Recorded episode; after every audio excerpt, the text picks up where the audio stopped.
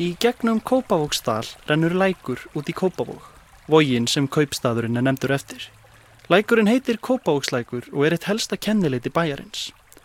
Að einhverju leiti má segja að sjálfsmynd Kópavóksbæjar speiklist í læknum, en hann rennur þvert í gegnum bæjin og skilur að kvamma á hjallakverfið frá smára og lindakverfinu.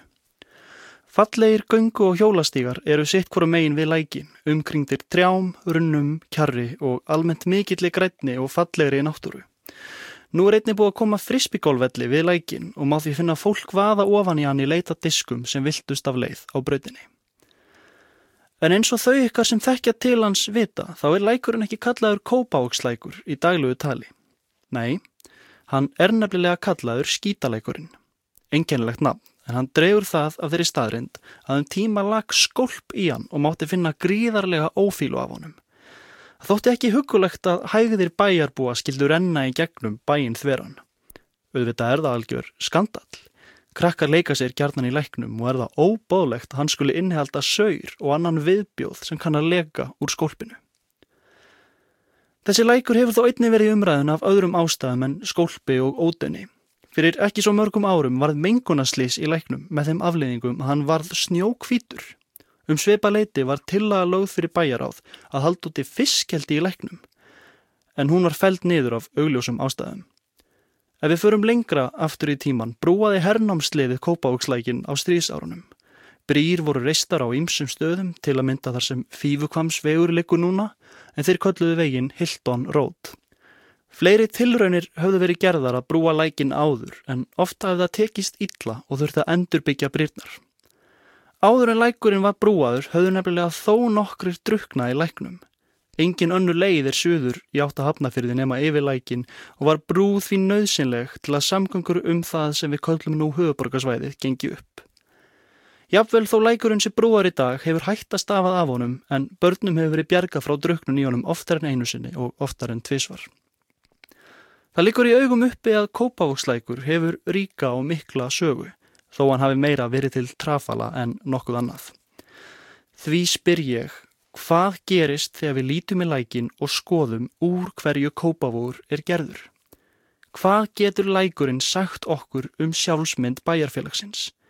Þetta er jú lækur sem rennur í gegnum Kópavóksdal út í Kópavók, Kópavókslækur í Kópavóksdal í Kópavógi. Til að svara því þurfum við að ferðast lengra aftur í tíman. 359 ár aftur í tíman ef við viljum vera nákvæm.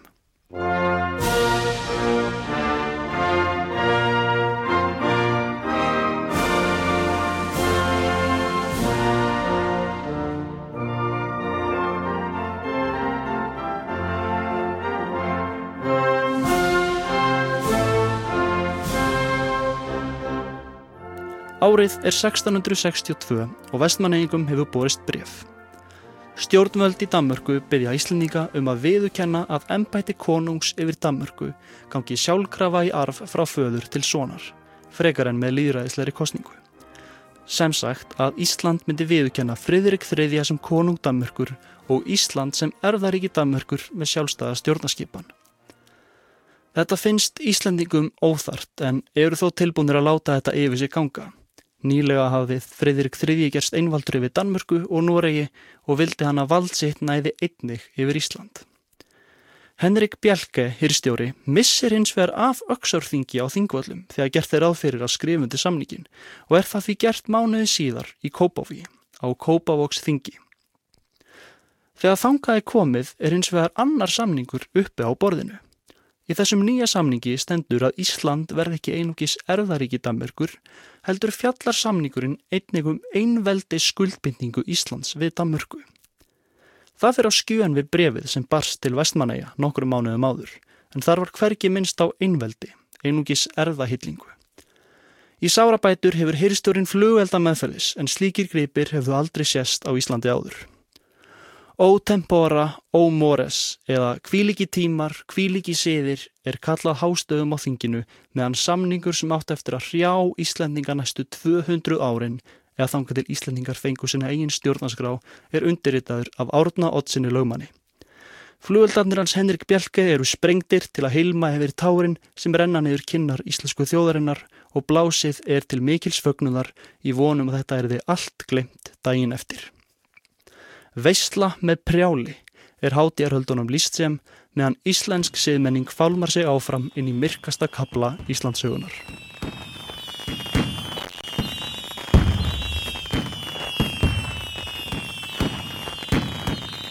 Áður en haldið er áfram kunnið að spyrja ykkur hvað þetta kópavóksþing sé, hvar það er og hvort það sé en þá til. Þingi er staðsett á þingkóli þar sem kópavókslækur rennur út í kópavók. Þingi var notað á miðöldum en staðsetning þótti hendug þar sem hún var mitt á milli Bessastaða og Reykjavíkur. Til stóð að flytja alþingi þángað en ekkert varðu því líkt og öðrum áformum og tilraunum til að gera kópavók að merkilegri stað en hann er. Kópavóksþing er raunar einungis þekkt fyrir þennan eina atbyrð, Kópavóksfundin, þegar Ísland afsalaði sér sjálfstæði sínu og varð undir einveldi Damerkur. Kanski ekki nema von að alþingi hafi ekki viljað flytja fundarastöðu sína þangað. Í dag er minnisvarði um erðahillinguna á hólnum en lítið annað sem myndi draga mann þangað þar sem bílaumferð millir Hamraborgar og Arnanisæðar deinur um svæðið.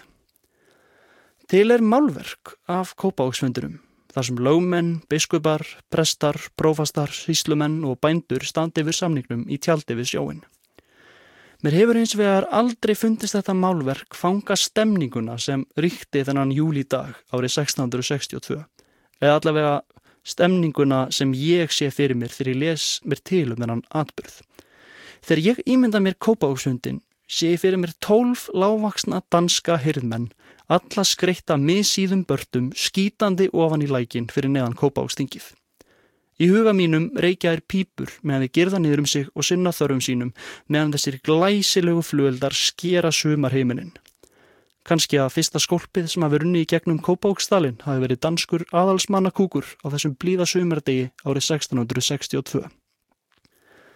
Þegar við lítum ofan í lækin núna sjáum við sjálfsmynd bæjarfélags sem hangir saman á þjóðar áfalli.